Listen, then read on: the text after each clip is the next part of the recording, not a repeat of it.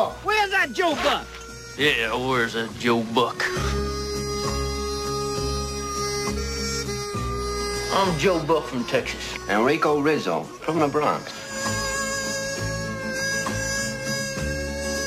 His name is Joe Buck. He's a cowboy. He just uh, just came in from Texas. Cowboy, huh? I ain't a for real cowboy. But I am one hell of a stud. Then how come you ain't scored once the whole time you've been in New York? Cause I need management, damn it! Let's go. Da kan vi ønske velkommen til en ny episode av Filmfrelst, podkasten fra nettmagasinet Montasj. Mitt navn er Karsten Meinick. Jeg sitter her sammen med Lars Ole Kristiansen. Og vi to er Hei, vi er redaktørene for Montasj, som vi har sagt så mange ganger. Og i denne episoden av Filmfrelst så skal vi diskutere en gammel film. En slags retrospektiv episode. Det er jo innimellom noe av det hyggeligste vi gjør. Eh, Vi har gjort det med nylig, da. Ikke nylig, men ikke så lenge siden, med både Ghostbusters og og Heaven's Gate, to vidt forskjellige filmer, men som på en eller annen måte kan løftes frem igjen i lyset. Og i dag skal vi snakke om en film som heter Midnight Cowboy. Ja, for den skal da vises på cinematekene. Og det er jo en klassiker. Jeg, jeg har liksom alltid visst om den.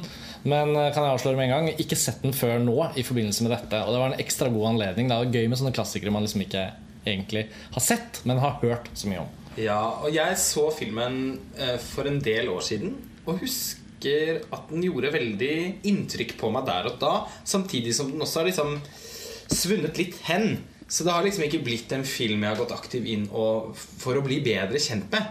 Eh, så sånn sett så føltes det Tiden var overmoden egentlig for, eh, for et gjensyn. Og vi har da nettopp sett filmen Ja, før vi sånn, skrudde på eh, lydopptakeren. Det føles sånn bra å gjøre det på den måten i, i mange tilfeller. Det blir liksom sånn når vi er på festival. Kommer ut av film, og så begynner vi å snakke om en gang. Men, eh, men dette er jo en eh, Og det er ikke bare sånn at den er litt en klassiker. Den er liksom en klassiker i den forstand at den ikke bare vant den da Oscar for beste film og beste regi og beste manus det, i 1969, men den har også liksom inntatt en sånn litt sånn ikonog... Liksom, den har liksom en posisjon. Den er liksom Midnight Cowboy. John Voight, Dustin Hoffman Særlig for de som opplevde den i sin samtid, så tror jeg filmen øh, ble At veldig mange opplevde den som en radikal, nyskapende amerikansk film som virkelig liksom tok tiden Eller tok tiden, sier jeg, tok temperaturen på noe i tiden. Og den kickstarter jo øh, karrieren til John Voight. Og eh, Det ble et ekstra bevis på at Dustin Hoffman i The Graduate hadde gjort noe riktig. eh, kan man si Ja, for dette, og man kan jo si at denne rollen i større grad er sånn, sånn klassisk method acting-rolleprestasjon. Hvor man ser at eh, Hvor man virkelig får inntrykk av at Dustin Hoffman sitt register som skuespiller er egentlig da langt mer enn det han får vist i The Gladiator, som i seg selv er en helt super uh, Det er en veldig ikonisk rolleprestasjon. Absolutt, men det er ikke der skuespilleren Dustin Hoffman nødvendigvis uh, beviser mest av det han kan. Han har jo vist seg da gjennom hele sin karriere å være en karakterskuespiller som kan gå inn og ut av roller. Bokstavelig talt i Tutsi, f.eks. Ja, ja. Uh, Eller Rainman. Eller sånn. Han har, Og, han, og Dustin Hoffman i litt sånn Rainman-modus da er jo det man får forsmaken på. I Midnight Cowboy. I Midnight. Veldig enig. Han spiller rollen, på en måte. Mm. Eh, veldig. Eh, men det kan vi komme inn på mer etter hvert. Jeg sånn Og i ettertid så er det vel altså, Det filmen nesten er mest kjent for, tror jeg, for folk øh, flest. Eh, som sagt, En ting er de som så den i sin tid, særlig for de filminteresserte. For filmskaperne. Jeg vet Martin Scorsese eh, elsker filmen. Eh, nettopp Han var en del skriverier om det bare for et par uker siden. At Scorsese nylig hadde sittet og laget, satt seg ned og laget en ny liste over 85 filmer han mente alle filmskapere, unge filmskapere burde se. Eh, en, egentlig en merkelig liste, fordi det nesten, den nesten utelukkende besto av amerikansk film. Og han er også kjent for å være glad i nettopp filmer fra alle mulige steder. Ja, så det var egentlig så sånn Jeg vet ikke helt, men det er mulig han tenkte at dette var de filmene som kanskje for hans del var viktig, for det var ikke så mange nye titler der. Eh, og Midnight Cowboy var ikke overraskende å finne blant dem, fordi det er en slags også sånn gritty storby eh, Man må nesten kalle det også en slags sånn storbypoesi. Så man i hvert fall finner noen og ikke nødvendigvis helt vellykkede, men men noen, noen interessante tilløp til i Midnight Cowboy. Det kan man jo helt tydelig se at Martin Scorsese tar med seg når han eh, med i Mean Street. Så Taxi Driver. Definitivt. altså Midnight Cowboy, for Det er jo en New York-film. Ja, ikke sant? La oss ta litt, sånn, litt bakgrunn, da, litt plott. Eh, Det er sikkert mange som kanskje ikke har sett den, eller som eventuelt har sett den en gang for lenge siden. og ikke husker det helt Men det er i hvert fall en film fra 1969. Det er året etter Easy Rider. Det er to år etter eh, The Graduate. Den kommer i en tid hvor, hvor veldig mye står på spenn i den amerikanske kulturen. kan Man si Og det, man merker det veldig i filmen, på godt og vondt. da Som vi sikkert skal komme innom eh, Hovedpersonen spilles av John Voight. En eh, ung eh, Om ikke han er en cowboy, så kler han seg iallfall som en sånn klassisk cowboy-lignende figur fra Texas. Som eh, skal eh, Ja, som sier opp jobben og reiser til New York med bussen for å liksom rett og slett være en hustler. da Og finne seg en rik dame fra oppe ved Central Park og ordne seg, liksom. Eh, og når han kommer til New York, så møter han ikke bare liksom, den harde realiteten, men han møter også da denne rollefiguren Rizzo, eller Ratzo, som han blir kalt, spilt av Dustin Hoffman. Og filmen handler jo egentlig om deres gryende vennskap. Uh, og det, ja, Størsteparten av filmen er jo uh, i New York, og den som du sa, den er virkelig en sånn New York-film fra den tiden. Det føler man veldig. Og jeg tenker, Områdene rundt Times Square Nettopp. som Litt dag Sydens, dag- Sydens Pearl. Ja, som i, til og med i dag Mm. skiller seg nå fra resten av New York. Ved å være litt sånn Man kjenner lukten av søppel, og det er noe sånn sleazy videobutikker. Liksom, Fortsatt gjenstår mye av det, selv om også turismen og alt det der kanskje er fargelagt. altså, akkurat Times Square er liksom Selve det, ja. Disneyland igjen ved Ja, siden av. ja. Men de gatene rundt, da hvor brorparten av denne filmen eh, foregår Ja. eh, Det er jo bare litt interessant at det er faktisk et av de få stedene da i New York hvor det fortsatt er ganske røft. Enig. enig. Og det, og det Han er i hvert fall røft i denne filmen. Og, og det er jo det i Taxi Driver også, som er en film man fort tenker på. Veldig forskjellige historier, på sett og vis men samtidig filmer som foregår i New York på den samme måten litt. Altså Det følger rollefigurer som ikke helt har noe ordentlig tilhørighet, og Nei. som på en måte driver gatelangs uh, i Taxi Driver i en bil, riktignok. Men, men den samme feelingen uh, Og som begge har en idé om hva, hva de ønsker å være. Altså sånn, Har en vag idé om hva de ønsker å være for noe, uten at de helt klarer å få realisert det. da Scorsese må jo også liksom ha vært i støpeskjeen som filmskaper da denne kom. Uh, Ja, Husk at noen At My Door som han Par år før, kanskje? 67, tror jeg ja, den er fra. nettopp. Så jeg tenker som han, han, Han, han, det var den første filmen som Roger Ebert eh, skrev om som filmkritiker, og han begynte i 1967. Det er gøy at de liksom startet samtidig, på så mange måter. Ja, Men og morsomt å også lese Roger Ebert eh, sin eh, kritikk av Midnight Cowboy. Mm. Fordi Roger Ebert har, da, har, har skrevet om denne filmen ved to anledninger. Mm. Både da den kom i 69, hvor han fortsatt da var eh, en svært ung kritiker. Eh, den er liksom i den, i den fasen hvor han skulle definere seg som kritiker. Og han er litt mindre bløthjertet da enn det han ble det er ikke noe nostalgi eller noe sånt. Han var veldig ja. Ja, en ganske sånn, Det er ikke det han er positiv til filmen i og for seg, sånn helhetlig sett, fordi at han syns at pre- skuespillerprestasjonen er så bra. Men, men er også sånn skarpt kritisk til enkelte ting. Og så er det morsomt å se at den får en relansering i 1994 på kino. 25-årsjubileet 25 25-årsjubileet for filmen, tror jeg. ja, ja, det er logisk. Eh, hvorpå han da går og ser den igjen. Eh, og, og sitter igjen med nesten akkurat samme inntrykk som han hadde. Og som han beskriver at i, i hans hukommelse så hadde han liksom klippet til filmen sånn så at den hadde blitt bedre. Fordi han bare, han, hukommelsen hadde bare tatt vare på hvor gode de to skuespillerne er i hovedrollene sine. Og hvor fin kjemien er mellom de to. Mens alt det andre, som er det som gjør at filmen får en slags musealkvalitet som er interessant. Den, det ekstremt tydelige tidsbildet, måten den preges av, som han skriver noe sånn fashionable ved, ved, den, ved, ved tiden den er laget i.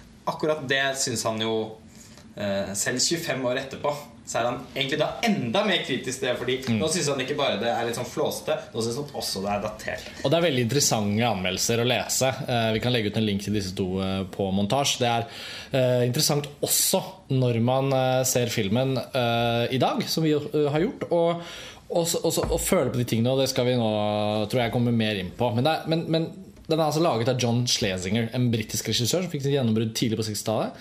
Eh, lagde flere eh, populære kritikerroste filmer, ble Oscar-nominert.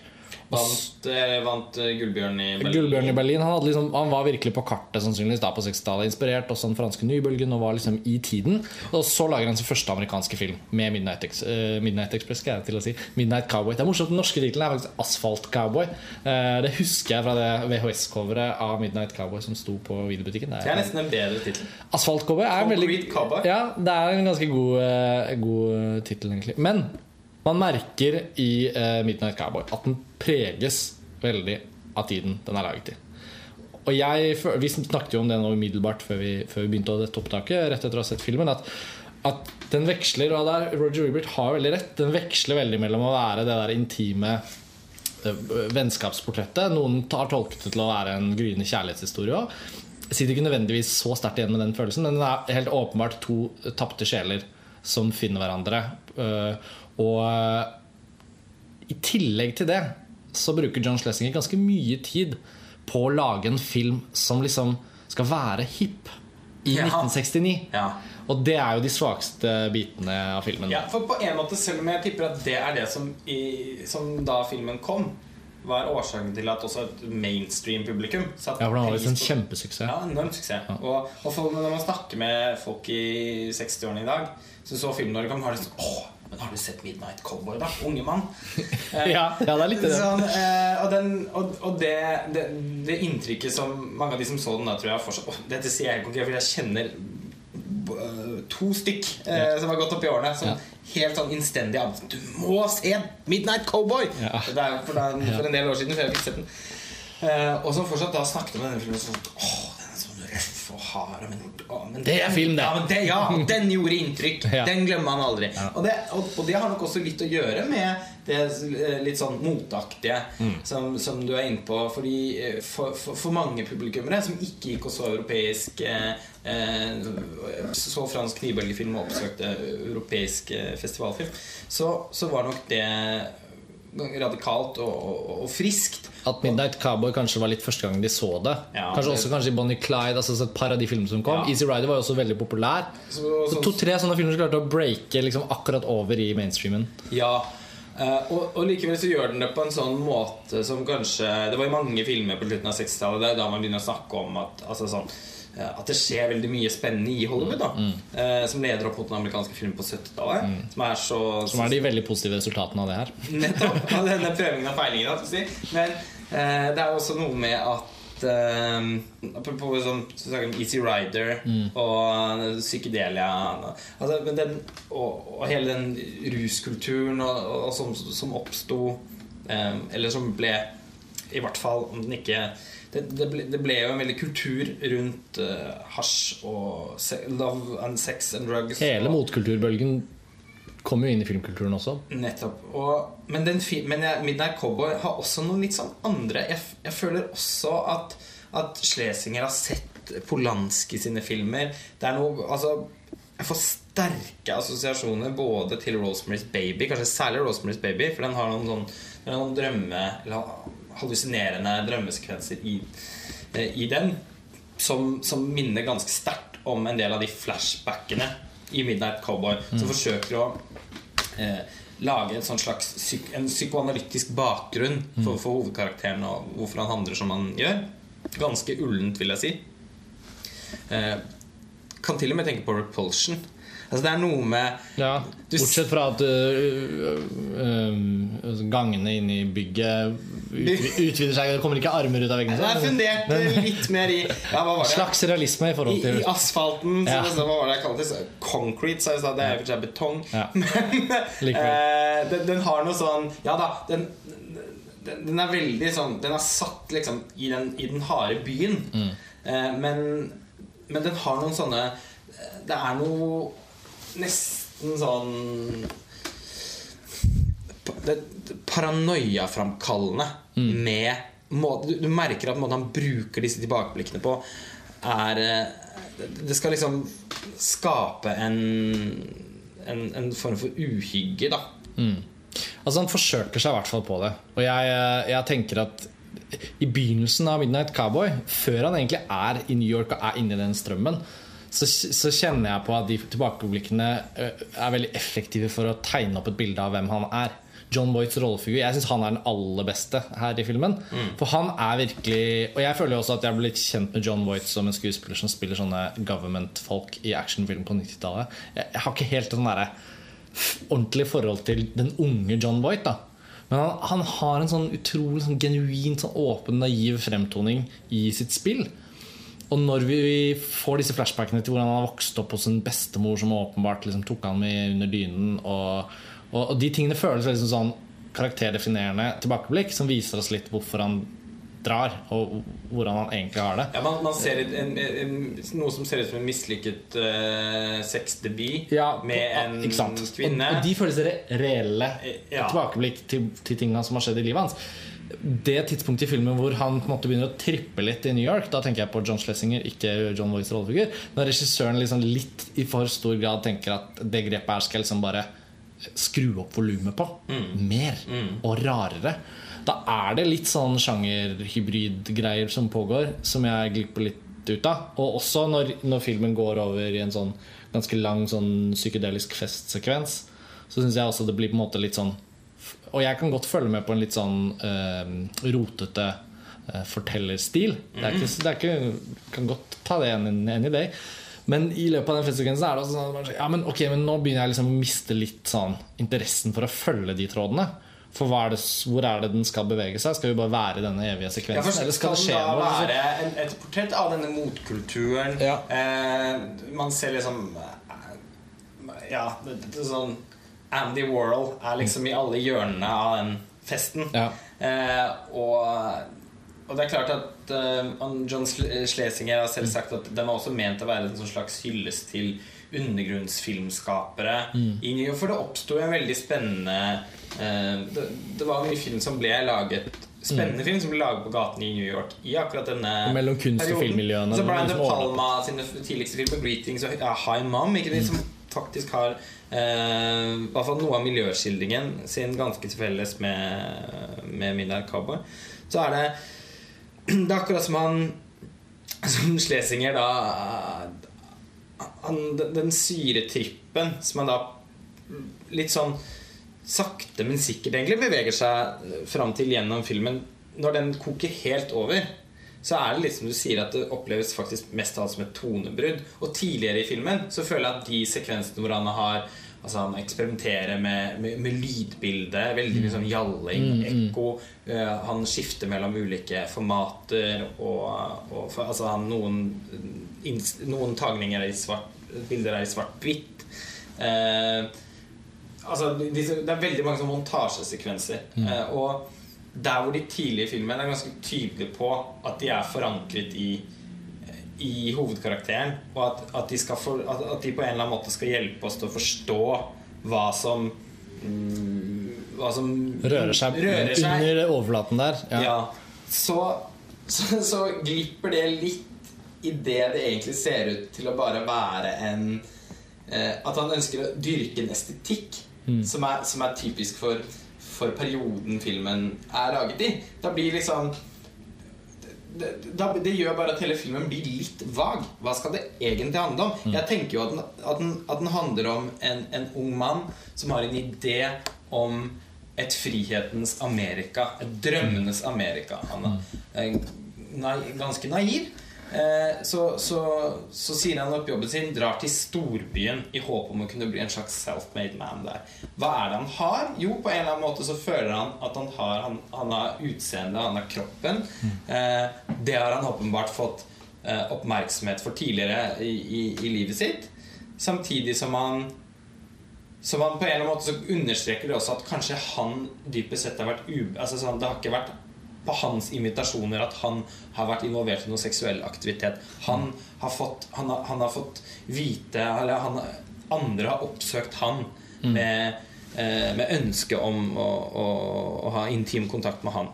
Og her kommer det jo en, en som jeg syns er såpass vagt fremstilt i filmen at jeg, at jeg syns det er vanskelig å bare altså, si at det er sånn. Men han er i hvert fall seksuelt forvirret, og den har ofte blitt tolket dit hen at han er homofil.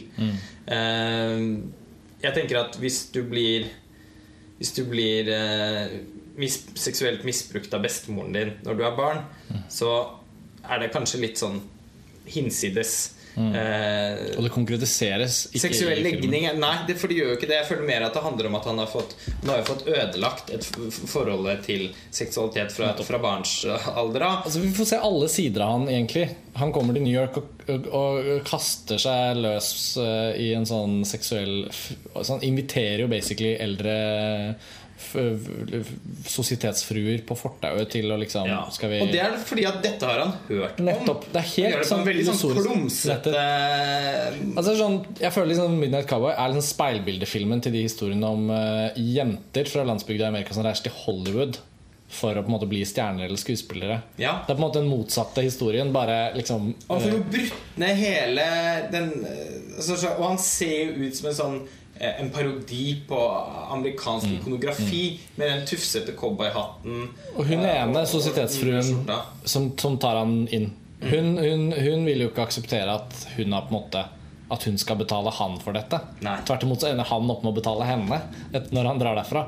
Og når han eh, går rundt på Times Square, så får vi i hvert fall vi se, selv om han ikke helt skjønner det, at menn kledd i cowboykostymer, de er direkte liksom, De er jo en direkte invitasjon til å være en mannlig prostituert i, i homsemiljøet. Eh, som han også liksom ikke helt Han skjønte ikke helt hvor han havnet jeg her. Så han skjønner liksom ikke hvordan Og han gir seg jo i kast med det også. ja, men han, tol Men men han klarer liksom ikke å Ja, det gjør han jo også, selvfølgelig. Uten å få scenen med Bob Balaban Ja, selvfølgelig. veldig ung Bob Balaban på kinoen. Så.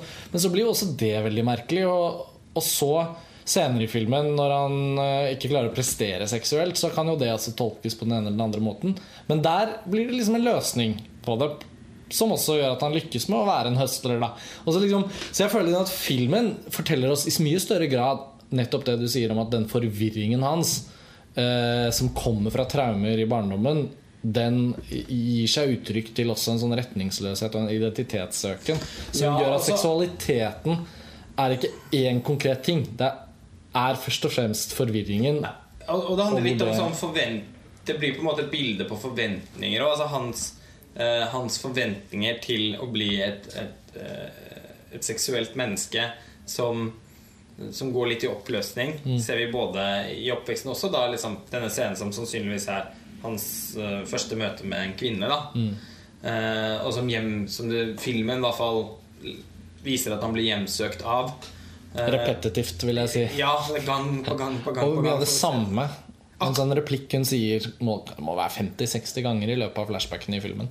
Eh, It was only you, Joe Buck. Eller hva det er. Noe sånt. 50-60 ganger? Ja, men den, var, den repeteres utrolig mange ganger i hvert flashback. Det var veldig mange! Jo, men det flashbacket altså, nå, Ja, jeg, vet, da, jeg har ikke akkurat telt, men sånn Den veldige følelsen av at Ja, men nå har vi Den har vi fått med oss nå. Så repetisjonen går over til å bli liksom noe annet. Ja, det er litt sånn hammer inn i tinningen. Ja, litt, eh, men, og- den, men poenget mitt er at den, Ja, så For det handler hans forventninger til å innta storbyen, hva den kan by på av muligheter, eh, det blir jo også da mildt sagt ikke oppfylt. Han, Det han opplever, er jo at alt det han har forestilt seg, eh, er liksom smeltet vekk. Eh, det er som og, det, og her den nye kulturen, motkulturen eh, Begynnelsen på liksom hippie eh, og kunstscene, alternative kunstscenen i New York. Det er masse droger. Eh, folk eh, jobber ikke. Eh, bare slentrer rundt. Eh, det er ikke på en måte Og det kan man si at ja, det er jo akkurat de miljøene han blir eh, eksponert for. Altså man kan det, Og der er også filmen litt sånn det er, helt, det, er, ikke, det er ikke helt lett å se liksom, han, han har nok også noen andre muligheter eh, enn de, de, For de valgene han gjør, er jo liksom også et valg. Han velger jo ikke å gå og forsøke å få seg en jobb. Han vil være prostituert. Som i seg selv er merkelige. Altså Det er noen sånne ting i filmen som Han kommer, han kommer til New York med drømmen om at prostitusjon skal være noe sånn glorifisert flott. Han er, kaller seg selv en stud. Han skal mm, liksom bestige disse sosietetskvinnefjelltoppene. Han skal liksom virkelig Og så fort nøden eh, merker seg, han går tom for penger, han kastes ut av hotellet, så blir jo den Dustin Hoffmanns rollefigur ekstra viktig. Da Og da er det jo også en sånn realitetsorientering for han. Eh, prostitusjon fordi jeg ikke har penger. Det var ikke, det var ikke derfor han kom. Men så ser han også at Ok, men hvordan skal det måles opp mot drømmen og nødvendigheten som kolliderer? Og den, den eh, han, altså Dustin Hoffman inviterer jo da eh, John Whites karakter til å liksom bo på denne, i denne nedlagte bygningen hvor han har klart å liksom snek- Stable på plass, en slags leilighet. en slags leilighet. Og det er veldig, altså der er jo filmen også veldig, veldig fint og vart terreng. da og hvordan de to blir venner. Og hva de på en måte kan gjøre for hverandre. Eh, Uh, en slags, da blir det mer som en sånn overlevelse. Storbyoverlevelse. Det ender jo egentlig med at John Voight sin karakter tar vare på Nettopp. Dustin Hoffman. Og det er gjennom det å finne ut at han kan bety noe for et annet menneske, blir jo det første gang filmen kommer frem til noen egentlig snakker om veldig tidlig. At han er en veldig ensom ung mann. Altså At det er egentlig ensomheten kanskje som, som driver han. Det provoserer han jo veldig i den andre scenen tidlig, hvor han skal liksom få seg en slags sånn derre horemanager, eller hva man skal kalle en, En, en hallik, selvfølgelig, som det heter. Ja, men jeg prøvde å oversette det fra det de sier i filmen. Ja. Eh, hvor han sier sånn And you're lonesome, aren't you? Og så, klikk, og så blir jo John Voight veldig Og så får han et flashback selvfølgelig med en gang. Sånn som denne filmen gjør For å understreke. ja, og, og, og når, når, man kommer inn til den siste tredjedelen av filmen, hvor det i mye større grad handler om Dustin Hoffman og John Voights rolle, da kommer den jo til det. Og det er det som er noe av det som gjør filmens sterkeste sider veldig fine. Da. Eh, vi snakket om skuespillet. De er veldig de to sammen er rett og slett en utrolig bra duo. Og det er jo noe av ikonografien fra filmen òg. Bilder av John Voight og Dustin Hoffman fra Midnight Cowboy er mye mer det vi forbinder med Midnight Cowboy, som eh, Roger Ebert også skriver. Men han har klippet vekk alt det andre. Ja, han vil huske den sånn. Og det er så presist. Jeg syns han virkelig treffer eh, Og det er vanskelig å si at Midnight Cowboy, sånn som Scorsese sier, da kan jeg ikke si meg enig i at det er en sånn akutt nødvendig klassiker. eh, sånn som jeg har opplevd den i dag. Jeg kjenner jo liksom at den er veldig, veldig bra på sin måte. Men også en litt sånn raritet, mer enn en sånn At den er i kanoen. Eh, anno 2015 for meg litt sånn tja. Ja, nei, det vil jeg si meg enig i. Eh, Den gjorde mye sterkere inntrykk på meg da jeg så den første gang. Men det var også Da ble jeg vist den av en som hadde et utrolig nært forhold til den. Insentivet for å bare gå inn og elske den var Ja, kanskje større. og det var noe middag, og det var rødvin, og vi skulle se det. Og det var liksom sånn Og vi hadde Men nå er vi, nå er vi, men så nå er vi kritikere. Nettopp! Og sånn sett så syns jeg jo eh, at, at filmen sett med dagens øyne er en litt blandet opplevelse. Også på en måte da fordi at når det strengt tatt er en kanonisert film. Som det er. Og det er den virkelig. Eh, Det er den. En klassiker. Derfor så, trekker de inn, for jeg syns det er viktig å liksom trekke Ja, og den er ikke altså, Man kan si at den er ikke så enestående. I den, altså, hvis man tenker på andre eh, filmer som kretser rundt hvert fall noen av de samme temaene, og som i tillegg også er filmer satt i New York. Eh, I omtrent samme periode, med omtrent den samme type skildringen av det, harde storbylivet i New York, så har man jo da også Taxi Driver, sant, som, er, eh, som er av en betydelig eh, det er, altså, Den er jo rett og slett i et annet kaliber. Helt annet. Men så må vi jo bare gjenta det vi snakket om i stad. Det er helt åpenbart at Midnight Cowboy den gang, for de som så den da, for Scorsese f.eks., så har den vært viktig og bidratt sikkert til å sette en tone som gjør at Scorsese skjønner at han kan gjøre Taxi Driver på den og den måten. Altså, den, den må ha vært en viktig referanse. Helt garantert. Helt, helt. For den var jo på grunn, Den vant beste film-Oscaren. Den var en kjempestor Tenk på det! Ja. Tenk, altså, sånn, Ja, ja. Forestill deg en sånn type film vinne i dag. Si litt om hvor mye ting har endret Det seg. er stadig den eneste filmen også gjennom historien da som har X, hatt X-rating. Som er vunnet Oscar. Ganske uforståelig. Og Ja. De var, kule, de var på en måte veldig kule i 1969, da, antageligvis. Eller Men ikke så kule i sensursystemet. Nei, det er- det, er sånn, det er ganske vanskelig å forstå Sett med dagens øyne hvordan den filmen kan ha fått en X-rating. For den kopien som finnes av Midnight Cowboy, har aldri blitt sensur. Det er jo ikke sånn at det er liksom tatt vekk ting. Dette er det det var. Og det er jo liksom Ja, var det en og annen pupp, på en måte? Det vel, så det handler ikke om nakenhet eller vold. Men det handler om eh, no, de homofile ja, og insinueringen om at liksom denne typen livsstil går an. Ikke Ja. sant? For de var jo var det det sto der? Vi kikket på det. At um, en av begrunnelsene for den X-ratingen var at den kunne liksom skade de unge.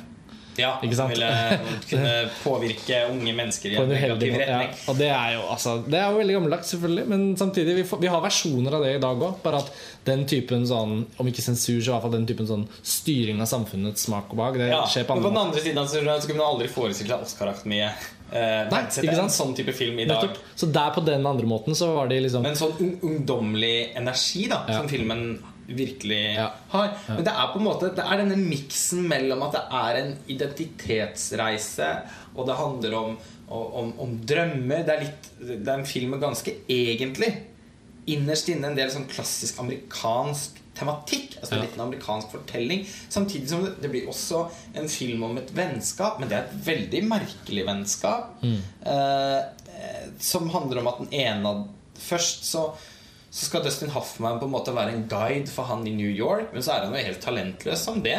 Fordi han har jo virkelig ikke lyktes selv. Så hvordan skal han hjelpe andre med Og så blir det motsatt. At, at, at John Foyd eh, sin, sin karakter føler at han må ta seg av denne mannen som strengt tatt er nesten er på dødsleie. Tidspunktet, Han er syk, han blir sykere og sykere. Mm. Han er det er hva han er syk av. Han er krøpling. Men han har ikke kommet, det er ikke en speiling heller der. Det er også interessant. Man skulle tro at det kunne ha vært sånn at Dustin Hoffmans rollefigur på et eller annet tidspunkt sier sånn I once came to New York and look at me. Liksom, den typen Men nei da, han er jo vokst opp. Han sier jo det, han er fra Bronx. Det er ikke sånn, så det er ikke det heller. Og den kunstscenen og sånn som Kunstscenen, gud, hva skal man kalle det? Ja, denne partyscenen som er såpass lang, øh, og som er en av de mest kjente scenene fra filmen òg, som jo øh, Med Forføringen inne på mørkerommet og sånn. Den er jo på en måte flott lagd. Ja, den, er kjempe, den er kjempeflott lagd. Eh, men den eh, Den er på en måte også Det er jo et miljø som Dustin Hoffman sin karakter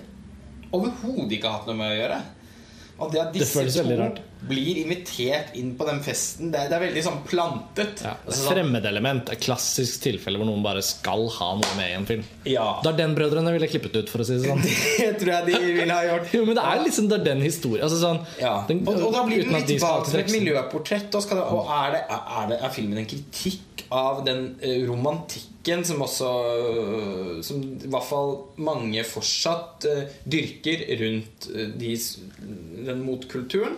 Eh, men den viser jo heller ikke egentlig dens bakside ordentlig. For det var ikke sånn at de holdt på med prostitusjon og Nei, for det er litt Altså, så, det, det, det foregår på den andre siden av gaten. Så den blir eh, helt Det, det ble, synes jeg i hvert fall satt jeg mye og tenkte på når vi så filmen nå. Den, den er veldig vag på mange år. Den har ikke noe reelt fokus, Nei, rett og slett. Uh, faktisk. Den vet, ikke, den vet ikke helt hvor den vil. Nei. Og på en måte så kan man jo også si at det Speiler rollefiguren. Ja.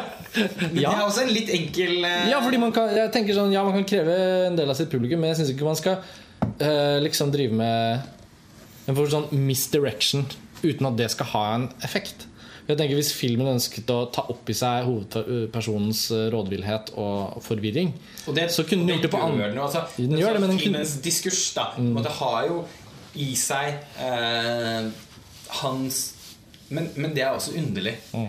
Fordi jeg klarer ikke på en eneste gang helt å kjøpe at de sekvensene filmen gir oss, som skal på en måte skildre hans tankerekker, er hans tankerekker. Nei, det er mye mer regissøren av filmen sine liksom, ønskede Ja. uh, budskap som kan være tankerekke. Altså, Ja, lang altså- vei til å føle at det er eh, liksom, organisk tilhørighet. Ja, for de er så i utakt med hvordan han oppfører seg som person. Mm. For de er jo virkelig sånn ja, form- ja, og det er liksom sånn at han formidles så tydelig og spilles så tydelig som en sånn naiv, åpen, ganske snill fyr. Ja, ro, Men jeg syns, jeg syns flashbackene flashbacken hans Det Dette høres merkelig ut, men de presenteres på en altfor sånn kompleks og intellektuelt abstrakt måte. Det er Ja. ikke sånn han Nei. ville tenkt og følt det. Det er på en måte Det er veldig vanskelig å kjøpe at det er hans blikk på verden. Ja, jeg føler liksom sånn Det hadde vært ærligere å kjøre mer sånn Rosebud-aktig flashback-stil for han her. Litt sånn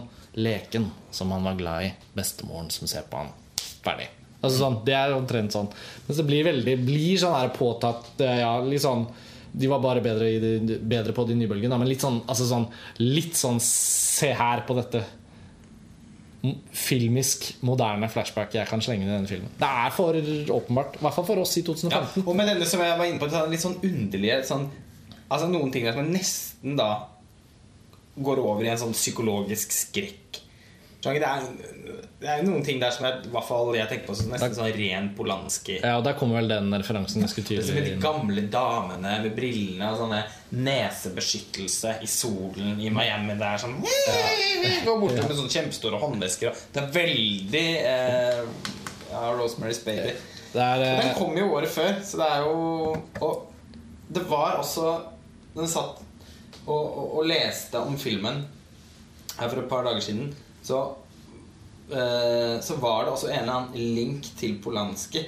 Mm. Som på en måte mm, Ja, på en eller annen måte så hadde de kjent hverandre Lurer på om det var eh, fotografen som eh, hadde fått eh, blitt tipset om via noen Ja. som kjente Polanski. Eller Sånn det var det. Ja, det var en lang... Fotografen av Midnight Cowboy gjorde sin første film med Midnight Cowboy. Ja. jeg i hvert fall Det er navn som var meg helt ubekjent. Og, og selv om den har estetikken har vi kanskje ikke snakket så mye om, da, men looket liksom til Midnight Cowboy preges jo av den samme problematikken, åpenbart. Fordi disse flashback-sekvensene, de mer sånn Ikke eksperimentelle, da, men ja, de, de Ja, moderne for tidsriktige, ja, grepene. Og for sin tid eh, nokså eksperimentelle, Ja, vil jeg ja, tro. de, de er jo liksom innenfor én type estetikk, mens denne hovedhistorien, og når vi liksom er i filmens virkelighet på gateplan, så, så, så er liksom estetikken og fotoarbeidet har en sånn sånn grov sånn asfaltrealisme, for å trekke inn det ordet igjen. Den har en veldig sånn fin der eh, troverdig sånn New York. eh, tekstur. Og, og det er veldig sånn Det er virkelig veldig fint. Det er kjempefint. Og med fare for å høres for kritisk ut, så føler jeg jo selvfølgelig For det første er jeg utrolig glad for at jeg nå har sett Midnight Cowboy. Det, er veldig, det føles fint å få plassert filmen. Og jeg kjenner jo også at den er veldig lett å anbefale, selv om jeg ikke syns den skal ha en sånn altfor opphøyet kanonplassering da, av filmer som ble laget i den tiden. Vi har nevnt mange av dem, men jeg mener sånn hvis man ikke har sett The Graduate, Bonnie and Clyde uh, på sin måte, liksom, uh, Easy Rider uh, og så inn på 70 altså, Taxi Driver til og med altså, så, Det er jo ganske mange filmer som man kjenner man ikke har sett. De så er jo de langt viktigere som markører på de tingene fra den perioden enn jeg vil si, si at Midnight Cowboy er. Men jeg syns den er også ganske sånn fin å se. Så hvis Ja, man dropper å tenke på den som den største klassikeren, liksom, så er den også litt sånn Ja, fordi altså, sånn, Totalen i dette her er jo at den, uansett så er det en film som er så velkjent at man må jo se den. Og, den er, og det er jo også på veldig mange områder en virkelig god film. Fordi eh, den er Altså de eh, Både John Foyt og, og Dustin Hoffman er så fine i rolletolkningen sin. Altså det, den mangelen på subtilitet som enkelte deler av liksom, egentlig bare filmspråket skjemmes seg. For det er der det sitter. Ja, det er der det sitter. De er, de er på en måte helt borte Alt det skrelles vekk når vi får tid med de to sammen. Og, og over, over et bord på en kafé eller inne i den skraphaugen av en leilighet. Eller gående bortover på, i asfaltjungelen. Det er jo tidløst. Det er ikke det, det og, og, og sånn sett så sa jo, jo og, og det er klart at noe av denne Jeg var inne på at filmen, forvirringen eh, til filmen som film kan speile Kan sies å speile hovedkarakteren. Eh, men det, det speiler jo på en måte også litt tiden. Altså sånn Det er en litt forvirret film fra en litt forvirret tid. Eh, og det i seg selv gjør den både interessant å se og interessant å snakke om. Så det er jo helt klart eh, En anbefaling. En anbefaling da. Og det er en eh, sånn For å oppsummere nå, så, så, så er det jo også I tillegg til at denne filmen eh, i seg selv eh, står der da, og har den statusen den har, tross alt, uansett hva vi snakker om nå, så har den jo det. Så er det jo også noe med akkurat den epoken som er jo spennende. Og Hvis noen ønsker å sette seg inn i det, så er det jo sinnssykt mye interessant å se når man begynner å se akkurat at det skiftet i, i Hollywood da som, kom, som begynner å skje på midten mot slutten av 60-tallet. Film for film, både sånn mindre kjente filmer og de mer sånn ikoniske klassikerne. Og så hvordan da sannsynligvis noen av disse studiosjefene begynner å tenke at jo, men hvis vi gir disse filmskaperne frie tøyler, så kommer vi til å tjene mye penger. Og det gjorde de jo også med f.eks. Gudfaren. Eller, altså, så det kom jo masse av de. Og det å forstå at alt det som skjedde på 70-tallet som var så jævlig bra, kom jo også fra noen filmer som tråkket opp en eller annen sti som skapte en sånn følelse av at vent litt, det som før var umulig, er nå plutselig mulig. Og det tenker jeg kanskje at er nesten best, en av de fall viktigste honnørene å gi den, utover å si det er en god film, du burde se den. Eh, På tross av manglene, så er jo også Midnight Cabo helt åpenbart en, sånn, en markør for et sånt skifte. At den med det innholdet, som var så lite mm, akseptert på den tiden, med den ratingen, spilte inn var mer enn ti ganger budsjettet sitt, vant Oscar for beste film og regi. Og, altså sånn, det er nok liksom også at fra og med Midnight Cowboy så, så skjedde det ting som da vi da har kunnet glede oss over på 70-tallet, fulgt av alle disse amerikanske klassikerne man snakker om. Så, Ja, det er et veldig viktig poeng. så summa summarum så, så føles det jo da ja, interessant å se at en film som har en sånn status, og som er høyst fortjent, også på en måte er litt et offer for det å Ja, det er en fare som man kanskje må huske på noen ganger. Da, at er man for opptatt av å passe inn i sin tid, så mister man også sin posisjon i en slags sånn evig relevans. Den blir, blir liksom akkurat litt en raritet som tar den litt ned. Men eh, nei. Så var det en sånn som Roger Ebert som satt litt sånn sur og tjukk på, på, på, en, pub, på en pub i Chicago og drakk øl, øl på øl og skrev visstnok i, i rekordartet hastighet disse kritikkene Ja, som, som eh, fikk rett. Som fikk rett Ja. til slutt. Som sikkert opplevde i sin samtale Hva er det han snakker om? Jo, det er filmen er god, men den er ikke så god. Så Or Roger, you're such a sourpuss. Wait and see. Så fikk han rett. wait and see. Ja. Um, det var vår eh, Ettersom vi har snakket om Roger Ebert i denne episoden, Ja. før du nå avslutter Ja, men nå var jeg virkelig på vei. Du hørte det? Jeg hørte det. Men det er jo da verdt å nevne at vi så det er kjempelenge siden. Eh, Det var jo i og for seg også i New York. Ja. Eh, Så så vi den Life Itself. Dokumentarfilmen om Roger Ebert. Steve James. Ja, som den er nå- Dreams, som er på 90-tallslisten vår. Og denne dokumentaren Life Itself er nå på Netflix. Så den eh, kan alle se. De Ja. Det er en sterk anbefaling. Og da, Selv om filmen ikke er så god. Jo, men den, I ja, seg- er liksom sånn, Litt som- sånn som en Midnight Cowboy, kanskje. Ja, altså, fordi fi filmen som film er ikke egentlig noe å snakke om. Men eh, for alle som har et sterkt forhold til Roger Ebert som eh, filmkritiker, så er den jo også på en måte helt umistelig. Fordi eh, det er noen fantastiske anekdoter. Om, jeg jeg syns jo egentlig begynnelsen av filmen eh, var det mest interessante. Måten den skildrer han som sånn ung og sulten filmentusiast på. Eh, det Ja, nei. Det blir, nå begynner vi på en ny podkast. Vi får sette strek. Men det er Hvis ikke dere merket det, så nå begynte vi på episoden om Life Jo, nei, men Det er en fin oppsummering. Og nå skal jeg prøve å starte oppsummeringen en gang til. Se om jeg klarer å bli ferdig med den eller ikke. Men Roger Ebert hadde veldig interessante perspektiver på Midnight Cowboy. Roger Ebert var en figur som det er utrolig flott at det har blitt laget en dokumentarfilm om. God eller ikke. Hvis de av dere som har hørt på hele dette både får lyst til å se Midnight Cowboy og se denne dokumentaren om Roger Ebert, så er det altså mulig. Midnight Cowboy vises på cinematekene i restaurert kopi, og Life Itself fins på Netflix. Og der er denne episoden over. Takk for at dere hører på Filmfrelst som vanlig. Vi er tilbake om eh, ikke så lenge.